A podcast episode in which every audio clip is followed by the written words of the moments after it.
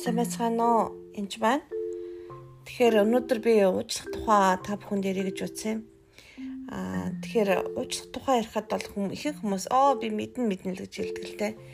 Гэтэ ихэнх хүмүүс яг үнэхээр одоо жишээл бурхны эсрэг өсгийгөө өргөөд бурхнаас зүхтагаад гим нүгэл хийгээд явцсан байсан хүмүүсийн амны төлөө цорын ганц хүүгээ өгч чадсан бурхныг ойлгоход амархан биш л дээ заримдаа. Тэгээд тэр уучлалын тухай ойлголтыг хүмүүс ер нь л баг мэддэг. Аа тэгээд гомдолж гоншихнох нь ер нь бол хүн юм болохоор тэрийг ярьж бол болно л доо. Энэ үндээс бод ингээд гомдсон ч гэх юм уу. Ялангуяа каунслын зөвлөгөө өгч явах үед тэрийг сонсоход ер нь бол би удаан сонсдоггүй.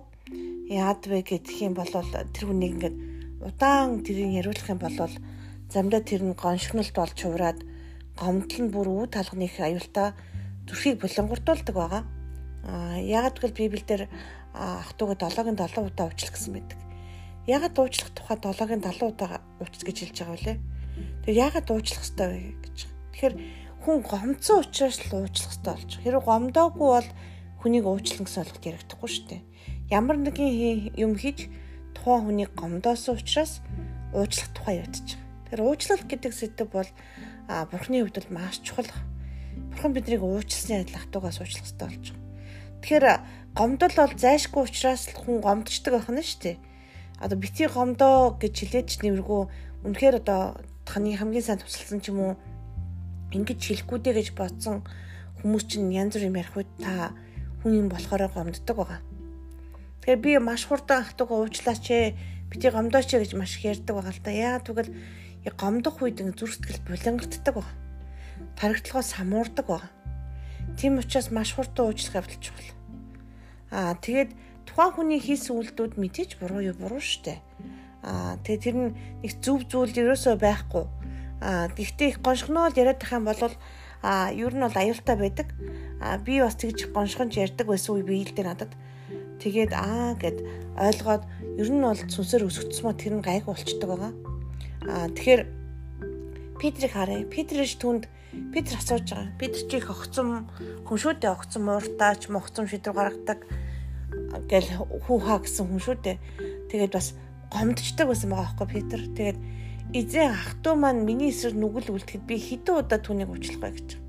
7 удаа юу гэж. Тэгэхээр Петров 7 удаа уучлахад ч бол амар мундаг юм хийчлээ л гэж бодож байгаа байхгүй. Боддоо 7-гийн удаа тэр хүн ах トゥ7 удаа тэр хүнийг гомдоосон. Тэр болгонд нь уучлсан байгаа байхгүй. Тэгсэн чи Есүс альцсан. Би чам 7 удаа гэж хэлэхгүй харин 70 70 дахин 7 удаа гэж. Наадхаа 70 дахин нэмчээч гэж хэлж байгаа байхгүй. Тэгэхээр чин бүр хэд дахин өсгөх шаардлагатай болж орж байгаа. Тэгэхээр иймээс тэгэхээр энэ тухай дахиад үлгэр сургаалт зөвлөд ярьж өгч байгаа.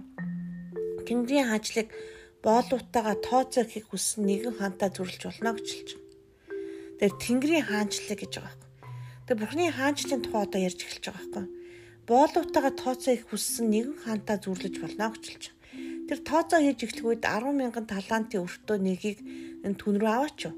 Харин түүнд өрөө төлөх юу байхгүй тул эзэн түүнийг ихнэр хүүхдүүдийн хамт хамаг юмтай худалдаад өрийг нь багтуулахыг тушаажээ боол нь сөхрөн унаж сунам мөргөөд түүнээс намайг төвчин үлдсэн үү? Би танд бүгдийг буцааж өгтүүлнэ гэж гуйхад тэрхүү боолын эзэн түүнийг ихэд өрөвдөөс суллаж өрийг нь элтрүүлжээ. Харин өнөөх боол гадагш гараад өөрт нь 100 динартай өртөө байсан өөрийнхөө анд нөхөд болох нэгэн боолыг олж хараад барин авч хоолойг нь шахаж өрөө төл гэв. Харин анд нөхөр нь болох тэр боол сөрхөн унж түүнээс гуун намайг төвчин үлцээж чамайг буцааж төлнө гэж чамд буцааж төлнө гэж хэлжээ. Тэр үнийг хүсээгүй учраас явж түүнийг өөр ширээ буцаад төлөх нь шоронд хариулв. Түүний бусад найзууд боолууд нь болсон явдлыг хараад ихэд гуниж эзэн дээрээ очиж болсон бүгдийг мэдгэжээ. Эхлээ эзэн нөгөөх боолуудыг дуудаад боолыг дуудаад түн бузарс муу боолоо чи надаас гуйсан тул би бүх өрийг чинь хэлтрүүлсэн. Би чамайг өршөөсний адил чи бас анд нөхөрчин болох тэр боолыг өршөөх ёстой байсан мэс үү гэхэд ихэд хэлгэн уулаж өршөрөө бүгдийг нь буцааж төлөх хүртэл нь түүнийг задалчин тушаажээ. Түүнчлэн хэрв та нарын нэг бүр чинь ах トゥ угээ зүрхтлээсээ уучлахгүй бол миний тэнгэрлэгчч та нарыг мөн тэгж хандах болно гэж хэлж байна. Тэр энд зандалчин гэдэг юм сонсгож байгаа шорон оруулсан, хориулсан гэх тухай ярьж байгааз. Тэгэхээр бид хүмүүсийг яг уучлахгүй гомдоод гомдоод байх үедээ өөртөө шоронд тавигдчихдаг байна. Уучлахгүй байх үед тэр хүнийг шоронд хариулж байгаа, өрөөж өөрийгөө шоронд хариулчихж байгаа. Тэгэхээр өө энэ хүн шоронд байгаа гэж бодож сунсан чөлөөлт хийж байгаа үед тэр хүн хэлээдэг. Энэ хүн яагаад шоронд орсон ингээд асуунгууд бодож сунсан юу хэлж байгаагаар хүн гомдоод орсон юм аа. Гомдлын гомдлынхан байна гэд бодож сонсод хэлжсэн. Тэгэхээр гомдолдог хүмүүсийг гомдоодог тийм сүнс байл Назарын Иесус дээр зайл гэж өрнө хөөж ёстой. Аа тэгээд дээрэс нь энд зандалчин тушаан гэж байгааз хэрэг уучлахгүй байх юм бол тэгэхээр уул уучлалтай холбоотой зандалчин сүнсүүд дайрдаг байгаа бас.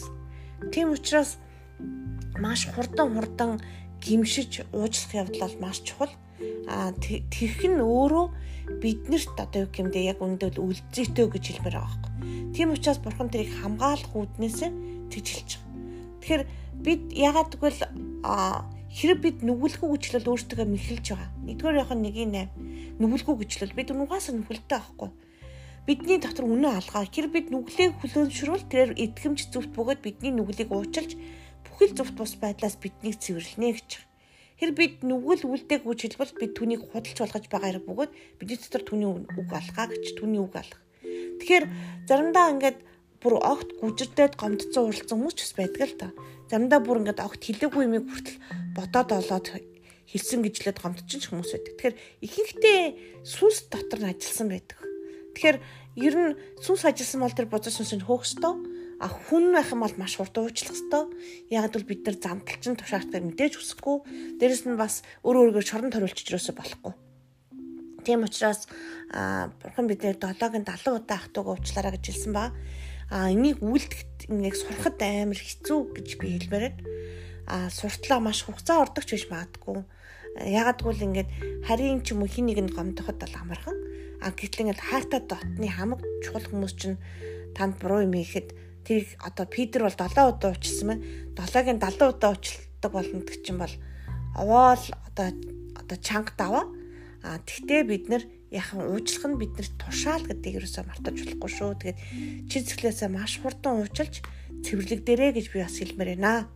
Тэгээд өргөл өрхөөсөө хүртэл хүмүүс яадаг лээ. Уучлаа дээрэ гэж хэлдэг байгаа Иесус. Тийм учраас бидний өргөл санхүү гэсэн одоо ерөөлийг хаадаг байгаа. Тийм учраас маш хурдан уучлаарай ах トゥ задан хамаатан заданда тэгээд бас хүнийг бас байн гомдоогоод иж болохгүй нөгөө хүмүүс нь ч гэсэн яг бол уучих шаардлага яагаад гардаг вэ гэхээр гомдох үед л гардаг байгаа.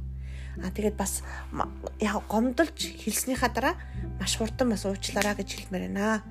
Тэгээд үнэхээр энэ уучлалын тухай ойлголтыг та үнэхээр бүгдэнд нь дамжуулж өгөрөө эзэм нь importation гэдэг тэ эзэм нь та үнэхээр нэгүсэл инэрлэлээр дүүргэж өгөрөө. Есүс нэрээр залбирanгуйлаа. Амен.